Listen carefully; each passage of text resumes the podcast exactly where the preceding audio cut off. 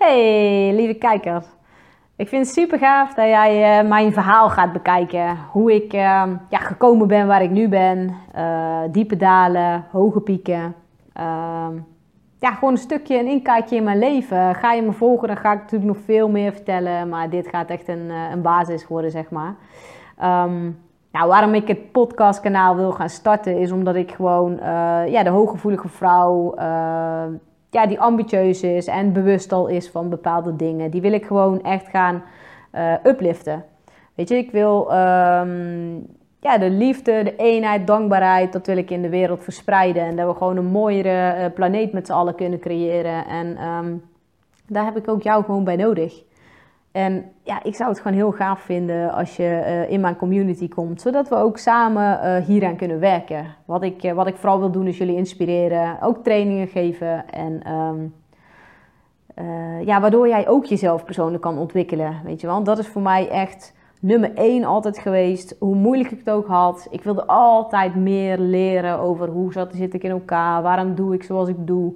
Uh, waarom ben ik wie ik ben? Um, ik ben altijd geïnteresseerd geweest in de psyche van de mens. Uh, ik vond psychologie altijd machtig interessant.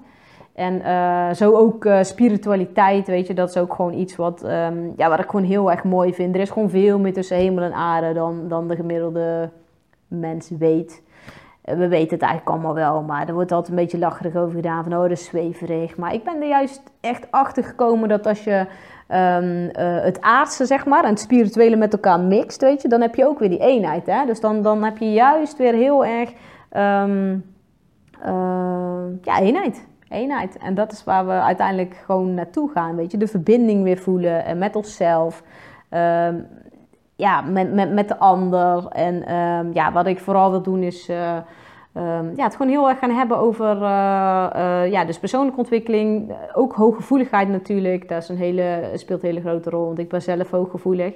Ja, en, en ik ben dan de variant de high sensation seeker. Oftewel, ik heb heel veel prikkels nodig. Anders raak ik onderprikkeld. Maar heb ik te veel prikkels, dan um, ben ik overprikkeld. Dus ik zit altijd een beetje overal tussen. En sommigen zeggen wel eens van... Ja, heb je geen ADHD dan? Nee, ik heb geen ADHD. Maar er zit natuurlijk wel overlap in. Hooggevoeligheid, ADD, ADHD, volgens mij ook autisme zelfs. Daar zit overlap in. Er zitten gewoon heel veel dezelfde kenmerken in. En uh, ik, denk, ik denk persoonlijk dat uh, je hebt hooggevoelige mensen, 70% is introvert en 30% is extravert. En ik denk persoonlijk dat de extraverte persoon um, uh, heel veel kenmerken heeft van de ADD, ADHD. En de introvert meer de ADD. Ehm, ik weet niet of het zo is, maar dat gevoel heb ik. En um, ja, dus, dus dat eigenlijk. Daarbij heb ik ja, gewoon mega veel enthousiasme te delen, uh, mega veel energie te delen. En um, ik heb gewoon heel veel ontwikkeld de afgelopen jaren. Uh, heel veel aan persoonlijke ontwikkeling gedaan, ook door mijn studie. Doe een, um, een psychosociale uh, eh, HBO-studie aan de Academie Mensen Integrale Wetenschappen in Huis de Heide, het SPSO ook wel genaamd. En ehm, ja, daar heb ik zoveel geleerd. Weet je, wij leren echt alles gewoon de mens te zien als een heel persoon, holistisch, weet je wel. Dus we leren ook het, uh, de normale eh, ontwikkelingspsychologie bijvoorbeeld, de reguliere. Maar ook uh, ja, heel veel alternatieve dingen, weet je wel. Dus alternatieve therapieën, uh, behandelmethoden. Ehm, ja, gewoon de coaching van mensen om mensen weer te helpen om echt met zichzelf te connecten. En eigenlijk vanuit je hoofd weer terug naar je hart om echt te gaan voelen. Want je kan dingen allemaal weten, maar dan voel je het nog niet.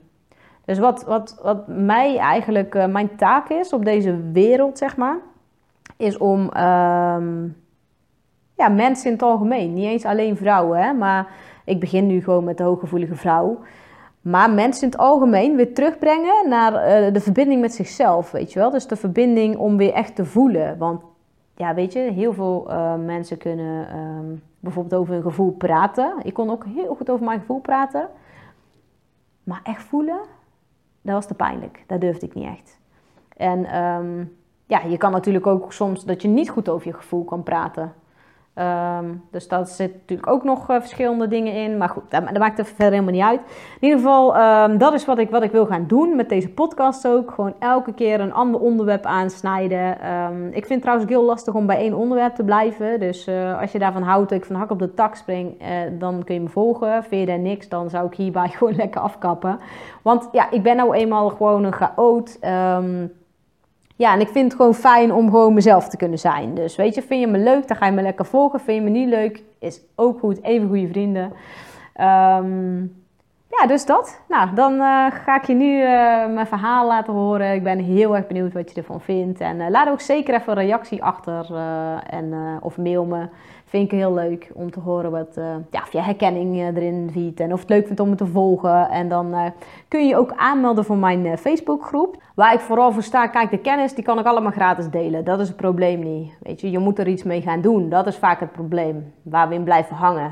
En um, op het moment dat je iets gaat doen dan merk je ook dat er verandering in je leven gaat plaatsvinden.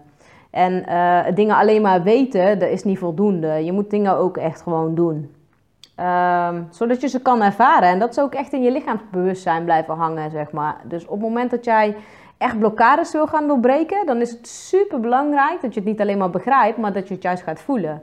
Want ik merk heel erg, um, een paar jaar geleden was ik ook nog niet zo verbonden met mijn gevoel. Ik kon heel goed praten over gevoelens. Maar ik kon niet echt voelen. Dat vond ik lastig. En waarom? Omdat mijn gevoel er nooit mocht zijn. Voor mijn gevoel dan. nee, weet je, um, ik ben opgegroeid in een, um, in een gezin wat, uh, uh, ja, wat niet altijd even leuk was. Weet je, ik bedoel, daar kan ik heel open en eerlijk over zijn. Mijn ouders zijn gescheiden toen ik twee was. Uh, steeds bij elkaar, uit elkaar, bij elkaar, uit elkaar. Um, ja, dat brengt natuurlijk een hele hoop pijn en verdriet met zich mee. Ik zag mijn moeder heel vaak verdrietig. Ja, dat vond ik al best wel lastig. En um, ja, ik heb gemerkt dat ik daardoor best wel vroeg al verantwoordelijk uh, me voelde, zeg maar. Omdat ik ook nog eens, ja, nu weet ik dat ik hooggevoelig ben. Maar dat ik heel erg uh, ermee zat van wat mijn moeder voelde en ervaren. Dat ik dat als mijn eigen pijn en mijn eigen verdriet ben gaan zien. En um, daarmee heb ik best wel een zwaar leven eigenlijk uh, achter de rug. En um, heb ik eigenlijk pas in de afgelopen vier jaar dat ik mijn opleiding doe, um, geleerd hoe ik deze lasten echt los kan laten. En niet alleen maar loslaten doordat ik ze begrijp, maar, wat me dwars zit, maar dat ik ook echt voel wat mij dwars zit. En um, ja, daar zijn hele mooie shifts eigenlijk bij hebben plaatsgevonden, waardoor ik eigenlijk die dingen allemaal ja, achter me heb kunnen laten, weet je wel. En er zijn heel veel mensen op mijn pad geweest die heel veel shit naar boven hebben gehaald. Uh, vooral ook mijn beste vriendinnetje. Um, en dat is heel mooi. Want ik ben mensen altijd super dankbaar, weet je. Hoe moeilijker iemand is op jouw pad, hoe groter de leermeester in diegene is. Weet je, um, je komt mensen op je pad tegen, ja, dat zal je zelf ook herkennen. Um, sommige mensen die zijn gewoon in je leven, het is oké. En sommige mensen maken heel veel los, weet je. Heel veel woede, heel veel verdriet.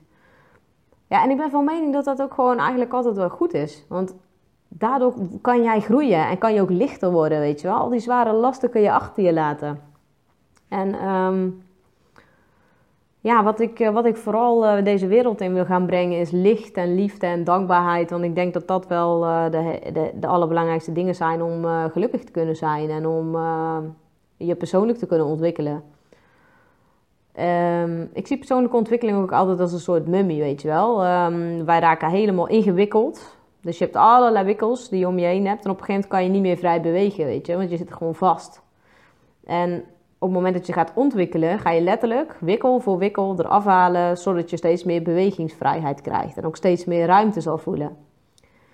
Um, ja, ik ben daar natuurlijk het voorbeeld van. Kijk, ik had um, fibromyalgie ontwikkeld door eigenlijk alles uh, ja, wat er in mijn leven gebeurd is. En uh, alle pijn en verdriet en noem maar op. Dat is allemaal eigenlijk vast gaan zitten in mijn lijf. Waardoor mijn spieren continu in de kramp schoten.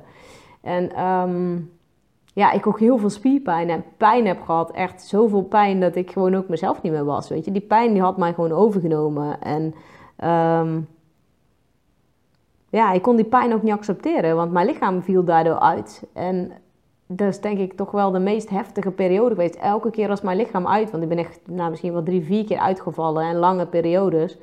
Uh, heel vaak ziek geweest dus. Um, ja, waarbij mensen altijd een oordeel over mij hadden, omdat ik ehm, uitviel. En ik kon daar niks aan doen. Want dat gebeurde gewoon. En dat kwam omdat ik niet aan het doen was waar ik echt helemaal blij van werd, weet je wel. En, en dat is eigenlijk iets wat, um, ja, wat, wat ervoor gezorgd heeft dat, dat ik uh, andere keuzes in mijn leven ben gaan maken. Dus ik heb echt gekozen, zeg maar, om dat niet meer zo te willen. En elke keer als ik uitviel, dat waren de momenten dat ik aan mezelf ging werken. Ik las van de week nog een, um, ja, dat was denk een dagboek van me in 2007 of 2008 ongeveer. Toen ben ik ook weer uitgevallen. Um, ja, waarin ik eigenlijk schrijf van um, de tijden dat ik uitval, ga ik juist aan mijn persoonlijke ontwikkeling werken. Waarom? Want dan kan ik niet anders. Dan heb ik er tijd voor.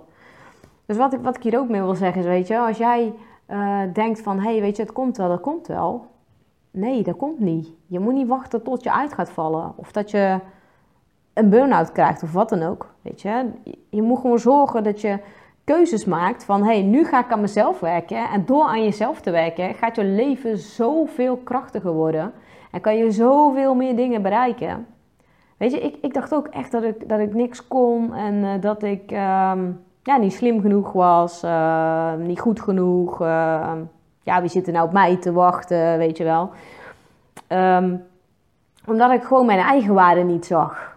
En ja, dan zeiden mensen wel van, ja, maar Christel, je kan toch hartstikke veel, je weet heel veel. En dan dacht ik, ja, maar, maar wie ziet dat, weet je wel? Dan dacht ik altijd als ik bij een baas uh, kwam van, ja, weet je, die, die zag dan mijn kwaliteit helemaal niet. Maar waarom zag die ze niet? Omdat ik ze ook niet zag zelf. Ik voelde me altijd minder en um, uh, dat resulteerde eigenlijk in dat ik altijd heel enthousiast aan een baan begon. En dan halverwege dacht van, oh mijn god, na een paar weken, wat de fuck doe ik hier? En uh, wat moet ik hier? En dit is helemaal niet leuk. En uh, ja, ik kan veel meer. Want ik voelde diep van binnen dat ik veel meer kon. En ook veel meer wilde doen. En, en ik had het gevoel altijd bij een bedrijf dat ik die kans niet kreeg. omdat ik mezelf ook niet liet zien. En als ik mezelf inderdaad liet zien, weet je, dan zei ik waar het op stond, dan zei ik hoe ik het zag. Ja, dan werd dat eigenlijk altijd van tafel geveegd. En, en dat heeft voor mij echt geresulteerd in een uh, stuk dat. Uh, ja, daar ging ik me terugtrekken. Want dan dacht ik, ja, weet je, als jullie niet zien, want ik zag dingen al vooruit. Ik, ik zag al lang het grotere plaatje. En weet je, dat, dat zagen ze dan niet, zeg maar, in mij. Want dan ja, gingen ze toch weer doen wat ze zelf wilden. En dan dacht ik, nou ja, kwam er dan uiteindelijk uit van, oh, dat werkt niet. Oh, laten we het zo eens doen. Dan dacht ik, ja, hallo, dat heb ik vorig jaar ook gezegd, weet je wel. Dus dan voelde ik me ook echt niet gezien en niet gehoord. En um, ja, misschien herken je dat wel en heb je ook uh, uh, daar moeite mee. Kijk, en, en ik heb nu geleerd om gewoon te kijken naar, maar wat, wie ben ik, weet je wel? En wat kan ik? En, en waar word ik zelf heel blij van? En... Um, ja, ik ben uiteindelijk ben ik, uh, ben ik, ik, ik heb acht jaar voor KPN gewerkt. Op de technische helpdesk was ik trainer en coach en, en, weet je, en ook nog half vervangend teamleider. Nou ja, prima allemaal, was allemaal heel leuk, maar ik heb mezelf daar echt compleet kapot gewerkt gewoon. En um, ik had ook geen eigenwaarde meer. Ik had totaal geen zelfvertrouwen meer, weet je. Um, ik merkte dat ik, uh, dat ik gebroken was.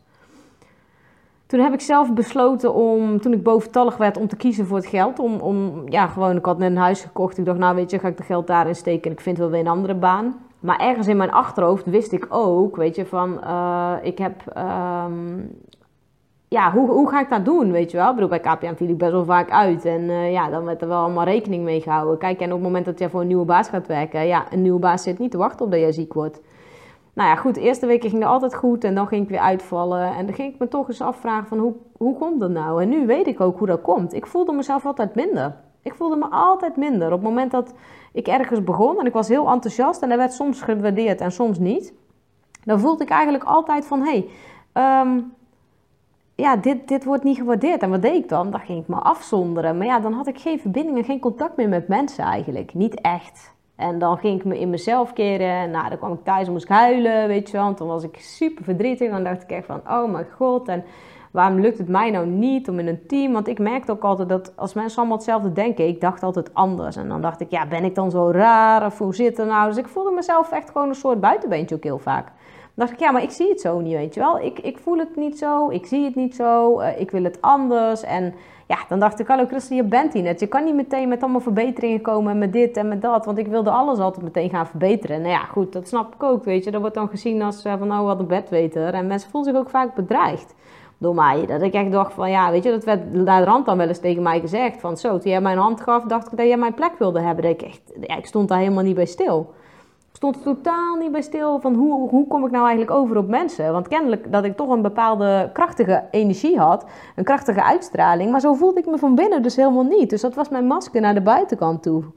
En um, ja, wat, wat, ik, wat ik heel erg... Uh, uh, ben gaan beseffen is van... hé, hey, maar jij komt dus kennelijk zo over. Dus dan moet je je toch nog wel wat meer inhouden als je weer gaat solliciteren, weet je. Dus zo ging ik eigenlijk mezelf maar aanpassen... en, hoe mensen wilden dat ik, dat ik zou zijn, weet je. En ik was daar zo klaar mee.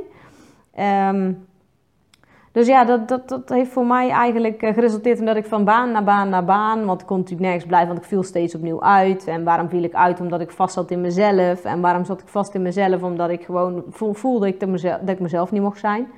En dat ik ook gewoon het verkeerde werk aan het doen was. En ben ik als paar keer als planner gaan werken. Ja, fucking leuk. Ik was super goed in contact met die monteurs onderhouden. Maar het plannen op zich vond ik gewoon geen reet aan.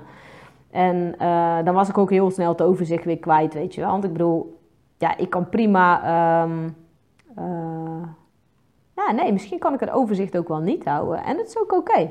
Maar goed, ik wist toen nog niet van, hey, ik zit niet op mijn plek. Dus nou, toen ben ik uitgevallen en toen dacht ik echt van, ja, weer een uh, loopbaancoach traject. Want dat had ik ook gehad na KPN eh, verlaten had. Die vrouw die zei, oh Christel, ik zei het alles wat ik wil is met mensen werken. Ik wil mensen coachen, ik wil mensen helpen. Toen zei ze, ja, maar je bent veel te gevoelig en dat moet je niet willen. Want je neemt alles op je nek en alles op je schouders en ja, toen dacht ik echt, shit, weet je, als het dit niet is, ja, wat dan wel? Dus toen ben ik via haar allemaal op die planbanen gekomen. Nou ja, dat was het dus ook niet. En uh, heel duidelijk, want ik viel op een gegeven moment steeds uit. Uh, toen ben ik weer mijn oude werk, callcenterwerk gaan doen bij uh, Essent. Ja, was ook tien keer niks. Dan voelde ik me ook niet op mijn gemak. Viel ik ook weer uit, ook weer ziek. Ja, en mensen om me heen hadden natuurlijk allemaal een oordeel. Van, nou, zit ze weer thuis en uh, weet je wel, uh, ja, uh, hoe kan dat nou? En ze is zo jong en bla bla bla, weet je wel. Dus mensen die hebben er allemaal een oordeel over. En daar, daar deed me nog wel het meeste pijn, weet je wel. Dat iedereen een oordeel over jou heeft. Terwijl ze totaal niet weten hoe het in jouw hoofd zit, hoe het in jouw lijf zit. Zij voelden niet mijn pijn. Zij zagen dat niet.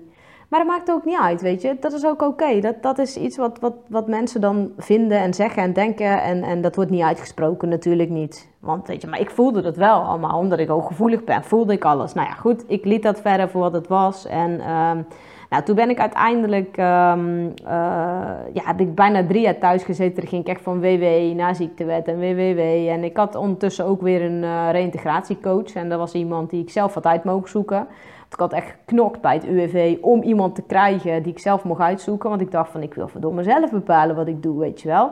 Denk niet weer zo'n een of andere koekwous die mij weer in een, een of ander hokje wil stoppen waar ik niet in pas, weet je. Want ik wil niet in een hokje zitten. Ik pas niet in een hokje, ik heb ruimte nodig. Nou, daar blijkt.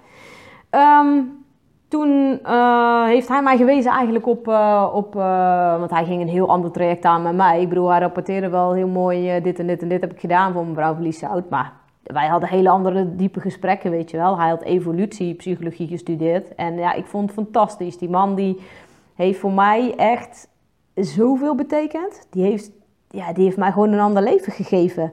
Die heeft mij een mogelijkheid gegeven om een, een studie te doen waar ik echt puur voor zelfontwikkeling, weet je wel, uh, uh, persoonlijke ontwikkeling kon gaan doen. Want ja, weet je, een psychosociale studie. En dan ging ik een HBO-studie doen. En ik dacht, oh shit, HBO, weet je wel, kan, kan ik dat wel? Want er komt weer dat stemmetje van, oh, ben ik wel goed genoeg, ben ik wel slim genoeg? Ja, dat is een hele hardnekkige bij mij geweest, van ben ik wel slim genoeg? Dus ik dacht ook echt, weet je, van, kan ik dat wel? Hè? natuurlijk kan je daar, ja, hartstikke veel, je hebt HBO, universitair niveau. En ik dacht, nou ja, tuurlijk, dat is al... Maar ik dacht, nou goed, ik ga, laat ik eens gaan naar een open dag van die school. En uh, dat is het de SPSO. Een uh, stichting psychosociale studie is het. Academie Integrale Menswetenschappen wordt het ook wel genoemd. Nou, ik vond het allemaal fantastisch klinken. Maar ik dacht, ja, weet je, ik ga gewoon een gesprek aan. En ik ga naar een open dag en ik zie het wel. Goed, ik ehm, kom daar dus binnen eh, op die open dag. En uh, ja, we krijgen een soort mini-collegetje van, uh, van Kovos. En Kovos is echt een, ja, een briljante man, weet je. Dat is iemand die, die kan zo mooie verhalen vertellen. En, en ook uit de mythologieën en zo. En, en ja, ik, ik hing aan die mans lip en ik dacht, wauw, weet je. Als, als dit nu al in een uurtje zoveel met mij doet. En ik voelde dat ik helemaal thuis kwam daar. En ik dacht echt, wauw, wat een warm bad. Ik had echt zoiets van, hier moet ik naartoe. Ik ben die studie begonnen en eh, eh, ja, die was heel pittig. Want het eerste jaar gaat alleen maar over jezelf. Je moet al jouw oude shit naar boven halen. We moesten een, uh, ons levensverhaal vertellen. Um, ja, weet je, daar kwam natuurlijk een hele hoop shit. Want mijn hoofd was alleen maar negatief geconditioneerd. Wat ging ik doen? Ik ging een, een tijdlijn maken van 0 tot, ja, was ik, 30. En daar merkte ik in dat ik uh, een heel bewogen leven heb gehad, best wel veel ellende heb meegemaakt. En um, uh, dat ik uh, bijna alleen maar de negatieve dingen eruit kon halen. Dat ik op een gegeven moment echt dacht, had ik hem ook aan mijn coach laten zien, want die had ik toen ook nog. En hij zei, Christel, ja, ik weet niet, zegt hij, maar waar, zijn jouw hoogtepunten, weet je wel? En ik had wel een paar benoemd, dat ik uit de kast kwam op mijn negentiende. Dat was wel iets wat echt gruwelijk vet was. Want ja, weet je, ik was bevrijd. Ik voelde echt, ik voelde me niet... Uh, ja, ik, was, ik, was, ik ben gewoon niet hetero, weet je wel. Dus dat was voor mij echt de, het hoogtepunt. 19 was ik. Nou ja, weet je, toen zei hij, ja, voor de rest zie ik alleen maar eh, de negatieve dingen. En toen dacht ik, ja, verrek, je hebt gelijk.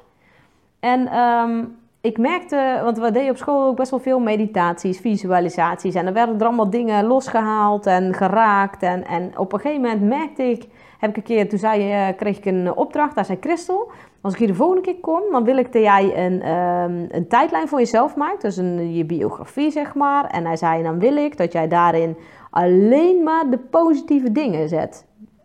Dus nou, en ik echt van, jezus, de positieve dingen, de positieve dingen.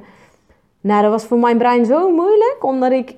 Ik was nog, weet je, het was allemaal een strukkeling. Ik, ik heb over, moeten overleven. Het was gewoon soms zelfs levensbedreigende situaties gehad, weet je wel. En um, ja, een hele hoop shit. En, en toen dacht ik van, wow, weet je, nou laat ik eens uh, een positieve uh, timeline maken, zeg maar.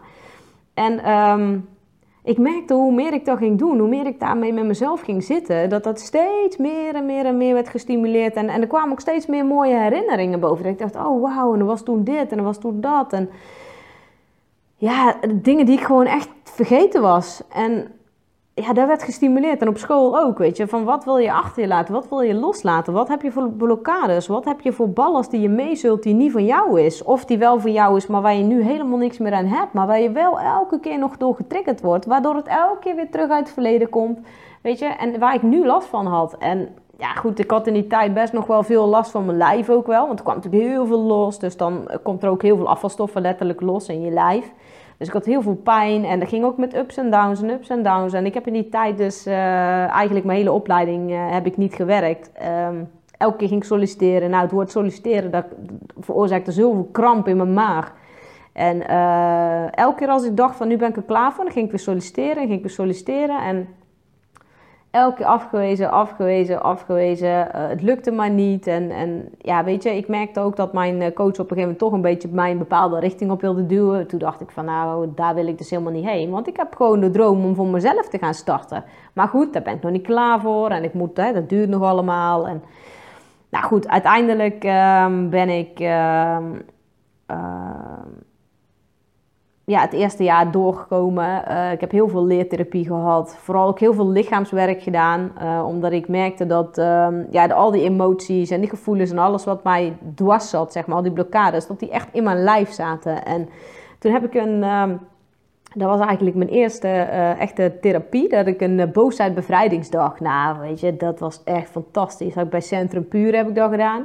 Uh, bij Samantha Kay. Zij is echt super gaaf. Zij deed samen met iemand daar, uh, ja, Roel heet die, Roel van Beveren. Deze samen zeg maar een workshop waarin jij ehm, ja, wel contact gaat maken met je boosheid. En ja, dat lukte bij mij natuurlijk in eerste instantie niet, want ik kwam daar binnen. Het eerste wat ik dacht was, oh nee, fuck, gaan we boksen? Nee, ik heb overal pijn, weet je. Hoe dan? Nou, dus ik dacht van oké, weet je, laat ik gewoon toch meedoen. Nou, ik uh, ben begonnen met, uh, met boksen en toen moesten we eerst contact maken met onze boosheid. Nou ja, dat lukte mij niet, want iedereen ging helemaal los. En ik stond echt een beetje te lachen en ik vond het allemaal wel, denk ja, weet je, boos, boos.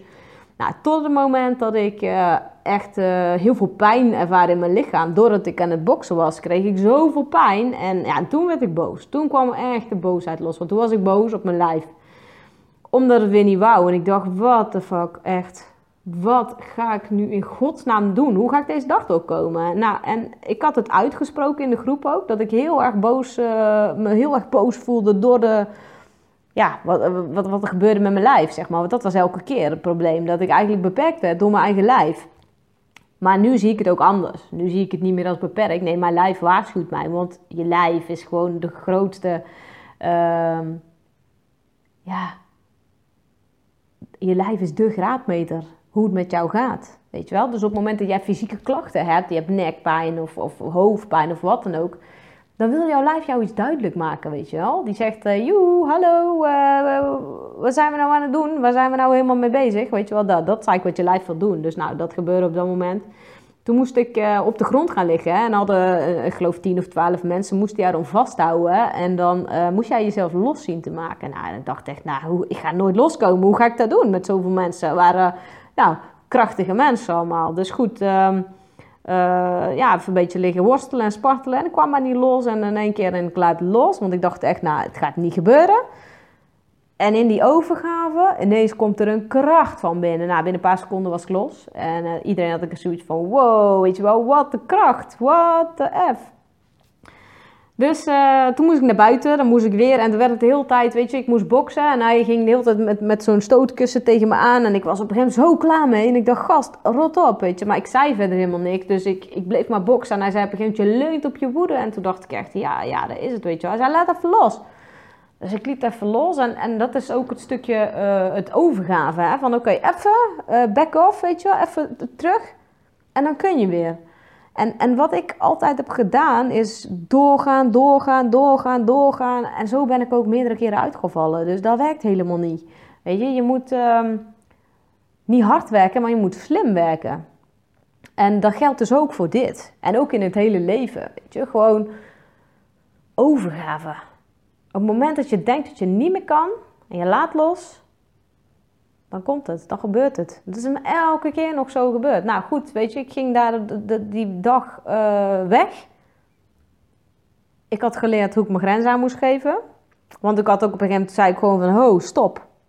Dit wil ik niet dat je dit doet, weet je wel. Hij zei ook van, waarom kun je niet verbaal iets zeggen? Je hoeft niet allemaal moeite te doen.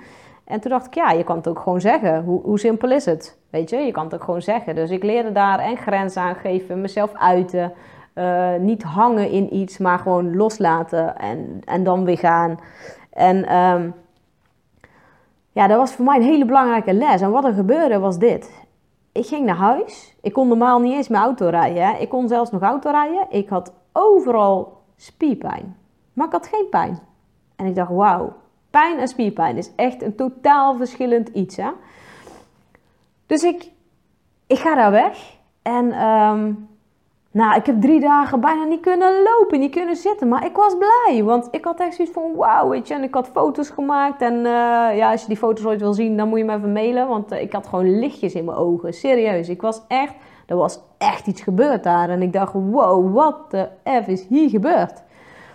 En dat was eigenlijk het eerste moment dat er echt dingen los zijn gekomen. Oude pijn, weet je wel. En oude pijn vooral uh, uit emoties. Hè? Want boosheid kon ik helemaal geen contact mee maken. Nou, toen kreeg ik een briefje mee naar huis. Nou, je moet goed uh, rusten, water drinken, uh, dat soort dingen. Want er kan veel afvalstoffen loskomen. En um, ook veel emoties, oude blokkades. Er is in jouw lijf heel veel gebeurd. En toen dacht ik, nou ja, weet je, dat zal wel. En je boosheid kan sneller getriggerd worden. Dus ik dacht, nou ja, goed, dat zal wel ook. En inderdaad, weet je, ik was de hele tijd ook. Eerst was ik helemaal happy, was allemaal helemaal goed. Maar op een gegeven moment merkte ik dat ik steeds sneller getriggerd werd door dingen. En dat ik ook een bepaalde uh, woede steeds voelde. Dat ik dacht van, jezus, wat, wat, wat, wat gebeurt er? Wat moet ik hiermee? En, en dat is de afgelopen jaren ook gewoon steeds meer losgekomen. Dat stukje onderdrukte woede, weet je Want ik mocht niet boos zijn. Weet je, ik mocht niet boos zijn van mezelf, want dan vonden mensen mij vervelend. En dan, dan, dan, vinden mensen eng, weet je wel. Van hoe, als je maar niet boos wordt. Nou ja, ik was zelf uh, ook behoorlijk allergisch voor, uh, voor boosheid. Dus uh, in het gezin ja, was ook best wel veel frustratie en boosheid. mijn ouders onderling en allebei best wel heet gebakken. Dus weet je, ik heb altijd uh, geleerd van, oh weet je, om, om, of altijd geprobeerd om me aan te passen en om maar niet tot last te zijn. Weet je wel, iemand niet tot last te zijn. Mijn moeder niet, mijn vader niet. Maar dat maakte dat ik als een soort chameleon me ging gedragen. Ik kleurde met alles mee en ik voelde ook nog eens iedereen's pijn, weet je wel. En ook boosheid. Maar mijn boosheid mocht er niet zijn.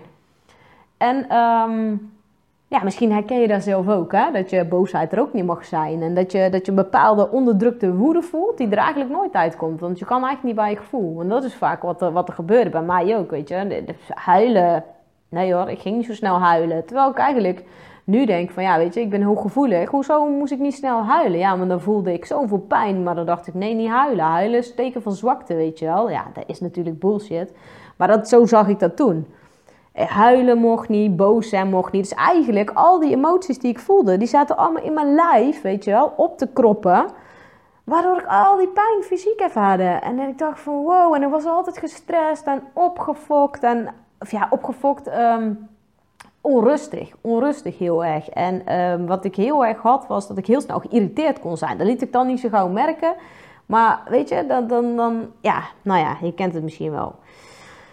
Nou, wat ik eigenlijk ook geleerd heb in de afgelopen jaren van mijn opleiding, is om, om echt gewoon ehm, dat alles van mijzelf er mag zijn. Weet je, ik mag boos zijn als ik boos ben. Ik mag verdrietig zijn als ik verdrietig ben. En wat ik merkte ook, doordat ik me ging ontwikkelen, is elke keer een stukje loslaten, een stukje loslaten, weer een wikkel eraf, eh, weer een beetje meer bewegingsvrijheid. En ja, wat, wat ik ging uh, ervaren daardoor was gewoon dat ik me um, steeds meer opgelucht voelde. En ik kon mijn emoties uiten. Want ik vond het heel erg lastig om soms te... Um, dan voelde ik iets.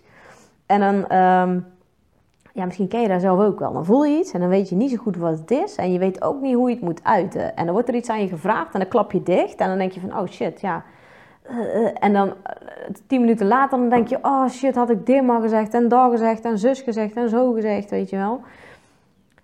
Ja, dat had ik heel vaak. Dat had ik echt heel vaak. En ik heb ook geleerd, weet je, om, om dat zeg maar. Ehm, eh, wat ik voel, om dat te uiten. Uh, zonder de ander te beschuldigen. Hè? Dus uh, als iemand iets bij mij raakt en ik word daar boos van, weet je wel, dan ga ik kijken van oké, wat heeft diegene nou geraakt in mij? Want er is vaak een heel oud, diep diepe pijn, een oud iets, weet je wel, wat die ander raakt. En dan is het niet de schuld van die ander dat jou boos maakt. Nee, dan moet je blij zijn dat die ander jou boos maakt. En dan moet je bij jezelf gaan kijken van, hé, hey, maar waarom werd ik nou zo boos? Weet je, want die ander kan er helemaal niks aan doen. En ja, soms dan kon ik daar ook niet, uh, want wat ik ook heel vaak deed, weet je, was ik um, uh, zat... Um, met al die dingen in mijn hoofd. En dan was ik helemaal, uh, weet je wel, opge, opgefokt. En dan uh, ging ik bijvoorbeeld naar mijn werk of zo, weet je wel. En dan, uh, ja, dan had ik heel veel verantwoording, zeg maar. Mensen kwamen allemaal bij mij dingen vragen. En, en, was ik op een gegeven moment was ik er helemaal klaar mee. En dan voelde ik, zeg maar, dan werd ik dus echt was compleet overprikkeld. En um, zeker als ik bijvoorbeeld ergens niet mee eens was, dan, oh, dan stapelde dat in mij op. Hè? Maar dat uitte ik eigenlijk niet. Totdat ik dan was ik het zat, dan was de grens bereikt. Nou, en dan ontplofte ik, weet je wel. Dan was van ja en dit. En dan was ik helemaal boos, zat ik helemaal volledig in mijn emotie. En um, ja, daar kon ik ook hele radicale beslissingen nemen. Nou, ik ben er klaar mee en nou, dan ging ik weg, weet je wel. En, en vluchten was voor mij altijd wel een, uh, ja, een overlevingsmechanisme natuurlijk. Om, om gewoon maar uit de situatie te ontsnappen. En uh, om de pijn niet aan te gaan. En ja, dat is een heel verschil met wat ik nu doe. Als ik nu zeg maar in een situatie kom waarin ik uh, of boos word of wat dan ook. Of dat ik me boos voel dan ga ik echt naar mezelf kijken van oké, weet je, wat heeft die ander in mij geraakt? En um, ja, dat. Wat, wat, wat ik ook, um, kijk, ik praat bijvoorbeeld ook heel erg snel en ik praat heel erg veel en ik praat ook altijd al heel erg veel. En um, daardoor werd ik soms ook wel als te veel ervaren, weet je wel. Dat mensen echt dachten van, oh, weet je wel, de kristal. Wat mensen niet zagen was dat ik ook gewoon heel erg rustig kon zijn. En ja, weet je, ik vind mezelf niet druk. Als ik gewoon ergens enthousiast over ben, dan vind ik dat gewoon super vet om daarover te vertellen. En dan ben ik ook enthousiast. Mijn moeder zei altijd, nou kindje, als jij vroeger uit school kwam, dan uh, moest, altijd, moest ik altijd een uur naar jou luisteren. Want dan was ik een uur aan het praten over wat ik allemaal mee had gemaakt in die dag, weet je wel. Maar dat, dat was een vorm voor mij om te ontladen. En um, ja, daar was ik altijd heel erg blij, uh, blij mee, zeg maar. En mijn moeder luisterde dan ook altijd. Um, maar goed, ik, ik, ik, ik ben ook wel gewoon iemand die ook gewoon heel erg pittig kan zijn, weet je. Want ik, ja, als ik ergens niet mee eens ben, dan zal ik dat ook gewoon zeggen. En dat deed ik eerst ook niet zo snel. Doe ik veel sneller, zeg maar. Ik uit me veel sneller. Um... Ja, ik laat, laat de dingen ook gewoon even binnenkomen. Weet je wel, op het moment dat ik uh, merk dat ik um, uh, geraakt word, dan ga ik eerst bij mezelf voelen van oké, weet je, dit doet, uh, nou, ik voel me verdrietig, ik voel me boos, geïrriteerd, whatever. Um, nou, wat doet dat met mij? Dan voel ik pijn. Um, soms kan ik het meteen uiten. Nu, nu benoem ik het tegenwoordig gewoon. Zeg ik, oké, weet je, ik vind dit niet fijn als je dit nu zegt. Uh, dit doet me wel iets, uh, bla bla bla. En ik zal niet meer wegvluchten uit een situatie. Soms dan voel je je zo ongemakkelijk ergens mee. En misschien ken je dat zelf ook wel, hè? Dat je inderdaad echt denkt van, oh wow, dit is echt wel heftig. Ik weet niet wat ik hiermee moet. Dat gevoel mag ook zijn. Weet je, alle gevoelens die je hebt, die mogen er gewoon zijn. En ik denk dat dat het allerbelangrijkste is in je leven. En dat dat je ook echt gaat helpen, zeg maar, om te ontwikkelen. Door alles te laten zijn je over te geven aan dat wat er is, dat wat komt. Maar je hebt er geen invloed op. Je hebt er alleen invloed op hoe jij daarmee omgaat, zeg maar.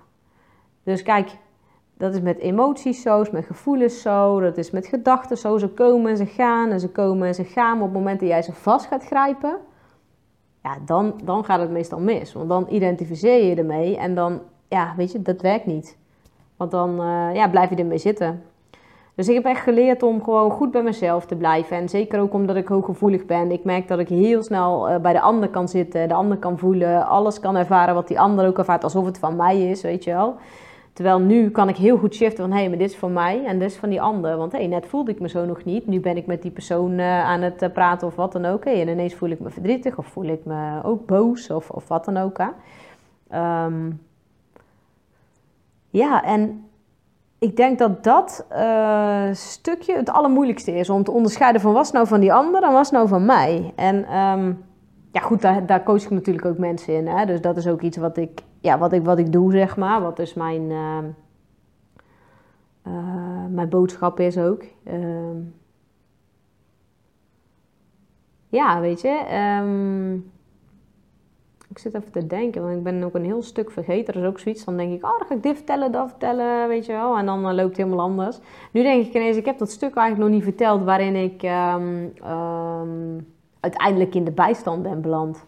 Ik was mentaal namelijk heel erg sterk. En dat is, uh, even kijken, vorig jaar, uh, ja, iets meer dan een jaar geleden. Toen kwam ik in de bijstand, want ik had dus geen werk gevonden. En ik dacht echt, oh mijn god, in de bijstand. Ik dacht, als ik in de bijstand moet nou, dat was voor mij um, ja, zoiets als doodgaan. Um, dat, was voor mij het allerergste. Ik denk, erger dan dat kan niet meer. Want dan uh, ben ik uh, ja, gewoon, uh, dan ben ik helemaal niks meer waard. Zo voelde het voor mij. En no offense hoor, voor mensen die in de bijstand zitten. Maar het gaat niet zozeer om de bijstand. Waar het mij om ging, is dat ik wist, mijn moeder zit ook in de bijstand. En ik wist gewoon hoe ze soms behandeld wordt in de bijstand. Alsof je een of andere koekwaus bent, weet je wel. Nou, goed. Dus ik had zoiets van, oh mijn god. En ik had er allemaal de meest vreselijke verhalen over gehoord. Hoe ze met je omgaan. Ik dacht, oh shit, weet je.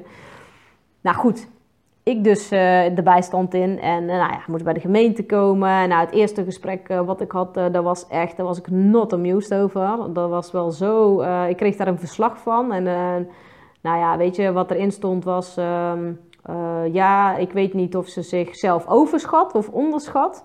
Uh, ik werd als echt afgeschilderd als een of ander super labiel persoon. Dat ik echt dacht van, oké, dit is een heel raar verslag. Ik was er ook niet over eens en ik was er ook echt... Uh, ik was zelfs boos over. Ik dacht van, nou, wat is dit nou voor een mafkees? Dus goed, um, toen kwam ik bij de consulent voor het eerste keer. En uh, nou, ik ging met haar gesprek aan. En uh, ja, zij was als een soort ehm, ja, uh, moeder die mij wel advies zou geven, weet je wel. Zoals op zich was helemaal niks mis mee, prima, was hartstikke lief. Maar wat deed zij? Zij maakte mij heel klein. zij deed alsof ik ook een of ander, uh, tenminste dat gevoel gaf ze mij, laat ik het zo zeggen. Ik zeg niet dat ze deed, dat is wat ik voelde. Want anders ga ik haar beschuldigen, dat is natuurlijk ook niet, uh, niet de bedoeling. Weet je, ik voelde heel sterk, ik voelde me zo klein. En ik dacht, oké, dit, dit is raar, waarom voel ik me zo? Zij raakte iets in mij dat ik echt, ik, ik voelde het heel belerend en heel, oh, en ik dacht, jezus, alsof er een schooljuf voor me zat, weet je wel. Die mij wel eens zou vertellen hoe ik dat dan allemaal moest gaan doen. En dat ik uh, zelf niet goed wist wat, wat ik allemaal toe in staat was. En eerlijk, in delen had ze gelijk. Maar ik was daar zo kwaad over. Dat ik denk van, ja, maar jij moet niet net doen of ik uh, een of andere uh, debiel ben die helemaal niet weet waar ze mee bezig is. Want ik had inmiddels echt, ja, ruim drie jaar school erop zitten waarvan ik enorm gegroeid was. Dus ik zag wat er gebeurde. Want ik dacht, hé, hey, zij gaat helemaal in de kritische ouderrol en ook wel de, de voedende ouder. Uh, ja, ik ga de termen nu even niet uitleggen. Maar in ieder geval, ik merkte heel erg dat ik in het uh, aangepast kind ging. En um, daar raakte ik zo gefrustreerd door dat ik in... Uh, ja, wat ging toen in? Rebelskind. Want ik had echt zoiets van, ja, wat fuck is dit nou weer? Je, gaat mij zo niet behandelen, weet je wel. En uh, nou, ze wilden mij in de fabriek zetten, kauwgom inpakken. En ik dacht echt van, nou, wat de fuck, kauwgom inpakken. Rot op, man. Ik heb hbo uh, werk- en denkniveau. Wat denk je nou al niet? Dus ik was daar echt boos over, hè. En nou, ik werd daar dus eigenlijk gewoon een beetje um, ja, behandeld als een of andere idioot. En op een gegeven moment kreeg ik een, uh, een werkervaringsplaats. En um, dat was bij een uitzendbureau. Um, uh, ja, dan moest ik gewoon ondersteunende taken doen en zo. Nou, toen zei die, die baas, zeg maar, ervan, die, die, die was de eerste dag dat ik ging naar hem toe. Ik stelde me voor, weet je wel. En hij zei van, god, ja, ik snap niet dat, mensen, dat jij in de bijstand, weet je wel. Want wat doe jij hier? En je hebt toch veel meer capaciteiten. En toen dacht ik, ja gast, dat weet ik ook wel, weet je. Maar ja, ik, ik zit vast, weet je. Ik kan niks, ik zit in die bijstand. Maar goed, wat gebeurde er in die bijstand? Ik was mentaal mega sterk. En ik merkte dat fysiek ging het compleet weer mis. Mijn lijf viel uit en ik kon die baan weer niet volhouden. En toen dacht ik, oh shit, gaan we weer. Dus ik, ik zag alles een soort van weer in duigen vallen. Maar ik had wel al één ding. Ik had in mijn hoofd, ik wil mijn eigen coachingspraktijk gaan beginnen. En ik weet niet hoe ik dat ga doen, maar ik ga mijn eigen bedrijf beginnen de verlangen zat er al jaren. Dat heeft er altijd gezeten om voor mezelf te beginnen. Maar ik wist nooit waarin. Nou goed, dat zat er dus. Nou, toen ben ik uitgevallen. Ik voelde me heel erg lullig. Maar ik ben wel het gesprek aangegaan waarom ik me zo lullig voelde, weet je wel. Um, toen... Um, kwam ik eigenlijk bij een. Uh, ja, toen viel ik dus uit. Nou, ik weer, dan moest ik me weer ziek melden. En met diezelfde vrouw, weet je wel, waar ik uh, in het begin echt dacht van, weet je. Ja, ze was toch wel heel lief. En ze zei ook van, God, Christel, ik vind het, uh, ja, toch wel heel vervelend. Maar ik heb het idee dat je nog een stapje terug moet. Dat je nog veel meer met je fysiek moet gaan werken. Dus je moet aan je lijf gaan werken. En een, een plek vinden waar jij wel kan fungeren, zeg maar.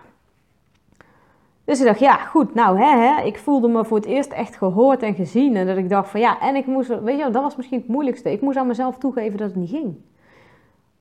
Want ik had dat gewoon al meteen aan moeten geven. Maar goed, ik dacht, ik probeer het maar, probeer het maar, omdat ik gewoon een mentaliteit heb van je moet hard werken voor je centen. Je moet dingen doen en je moet bam, bam, bam, knallen, knallen, knallen, knallen doorgaan tot je er neervalt, dat is eigenlijk altijd mij geleerd, weet je wel. Dus ja, dat deed ik dan ook letterlijk. Dus daarom voelde ik ook mijn grenzen niet en gaf ik ze ook niet aan. Ik voelde ze wel, maar gaf ze niet aan, want ik durfde niet. Want ik dacht van, ja, weet je, dan vinden ze weer van alles van mij, de hele familie. Ik dacht, dat wil ik niet, weet je wel. Ik wil gewoon... Uh, ja, niet dat, dat ze mij als een of ander zwak vogeltje zien of zo. Dus nou, goed... Um, uh, ik was daarmee natuurlijk heel erg streng voor mezelf ook. En mijn lat lag enorm hoog, ligt altijd hoog trouwens. Dat is ook altijd een valkuil hoor. Altijd maar doordraven, doordraven, doordraven. Ik denk, oh weet je wel, eh, soms moet er gewoon even de rem op. Maar ja, bij mij kwam er alleen maar een rem op als ik uit ging vallen. Nou goed, dat was dus in ieder geval... Nou, ik kwam bij een, uh, een hoe heet het, een traject waar ik een intake kreeg. En die man die zegt tegen mij... Hij zegt, Christel, zou je, zou je voor ons willen werken? Want het was een bedrijf wat... Uh, coachte, zeg maar, in uh, het mentale stuk, het vitale stuk. Uh, ja, gewoon om weer vitaler te worden. En die ging echt kijken naar jouw talenten en, en daar een match maken met, hey, wat kan, kan jij dan voor werk doen, weet je wel, met jouw kwaliteiten. En die man, die zag mij gewoon voor wie ik, voor wie ik, voor wie ik was, weet je. Die was ook spiritueel en, en ik, ik voelde gewoon een connectie met hem. En ik dacht echt, hij ziet mij. En hij zei zou je, zou je dit werk willen doen eh, wat wij doen als coach? En ik dacht echt, wauw. Oh, dat was trouwens na de testen, want ik moest eerst nog testen maken en zo. Maar ik had in ieder geval zoiets van, hé, hey, deze man die ziet mij. Die ziet mij, die hoort mij. En dat was voor het eerst, hè. Dat was hetzelfde als mijn andere coach. Mijn reïntegratiecoach. En toen dacht ik, wauw, weet je, wauw. En ik ging naar huis en ik was voor het eerst weer blij. En ik zag in één keer weer mogelijkheden. En ik dacht, yes, weet je wel. Nou, toen kwam ik dus op gesprek en hij zei, ja, Christel, komt uit en jij coaching en training. En toen dacht ik, ja, maar ja, dat ben ik ook altijd geweest bij KPN, weet je wel. Coaching, training, dat vond ik altijd super vet om te doen. Met mensen werken. Hij zei, ja, dat komt er gewoon super hoog uit. En ik zie die kwaliteit in jou. En, door hem ging ik weer in mezelf geloven. Dat was voor het eerst dat ik weer dacht van, ja, maar Christel, want ik voelde me echt een nul. Ik voelde me niks meer waard. Weet je, zeker bij de gemeente. Ze hadden me compleet, compleet neergemaaid. Als ik niet zo sterk was geweest mentaal, dan, nou, dan hadden ze me op kunnen nemen in een gesticht bewijzen van. Serieus, zo ver is het gegaan. En dat ik echt dacht van, nou weet je, dit, wat zij hebben gedaan, is echt zo niet oké.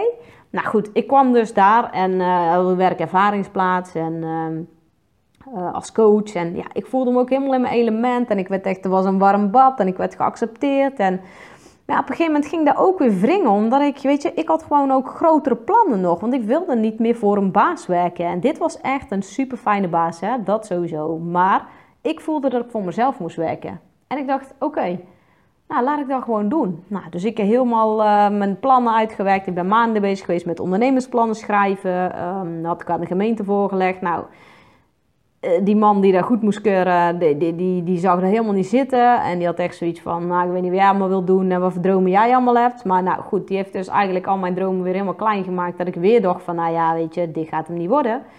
Uh, die maakte me ook weer zo klein. En ik dacht van, nou, nou ben ik er klaar mee. Toen heb ik een brief geschreven, want hij had ook heel denigrerend. En uh, ja, dat was zijn manier van doen dan, zei hij later.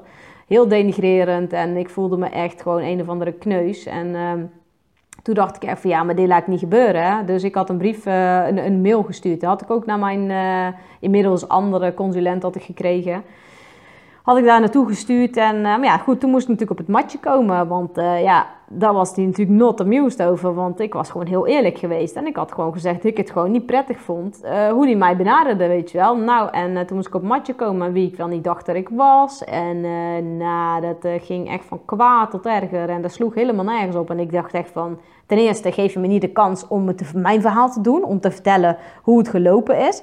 Je vraagt ook helemaal niet waarom heb ik die mail gestuurd. En ik bedoel, ik hoef me toch zo niet te laten behandelen door iemand. Kijk, en daar waren ze niet zo gewend bij de gemeente. Weet je, dat iemand zijn mond open doet. Want je moet dat als een mak schaapje. Want je krijgt, je moet je handje ophouden. Hè, dus je krijgt geld. Maar toen dacht ik, ja, maar hallo, ik werk toch gewoon voor de geld. Ik heb daar toch een werkervaringsplaats voor. Het is niet dat ik maar op de bank zit, uh, aan mijn gat zit te krabben en, en dat geld maar binnenkomt rollen, weet je wel. Ik bedoel, nou, 900 euro, daar hoef ik echt niet heel erg blij mee te zijn. Tenminste, natuurlijk moet je er blij mee zijn, maar Weet je, wat je er allemaal voor moet doen, dan denk ik, nou, uh, dat slaat natuurlijk helemaal nergens op. Maar goed, dat was hoe het was. Nou, ik was daar dus echt heel erg, uh, ik vond het heel belachelijk. Nou, ik heb me heel netjes gedragen in het gesprek, maar ik heb wel gezegd van wat ik daarvan vond. En dat ik vond van, weet je, zij zijn zo... Um, vanuit het uh, oogpunt van uh, jij bent uh, zo en wij zijn dit. Hè? Jij moet maar naar ons luisteren, want jij krijgt toch van ons geld. Weet je wel? Dat was een beetje de tendens van het gesprek. En ik vond dat zo denigrerend. En toen dacht ik echt van wow. Dus ik, ik voelde ook heel erg, want ik gaf natuurlijk.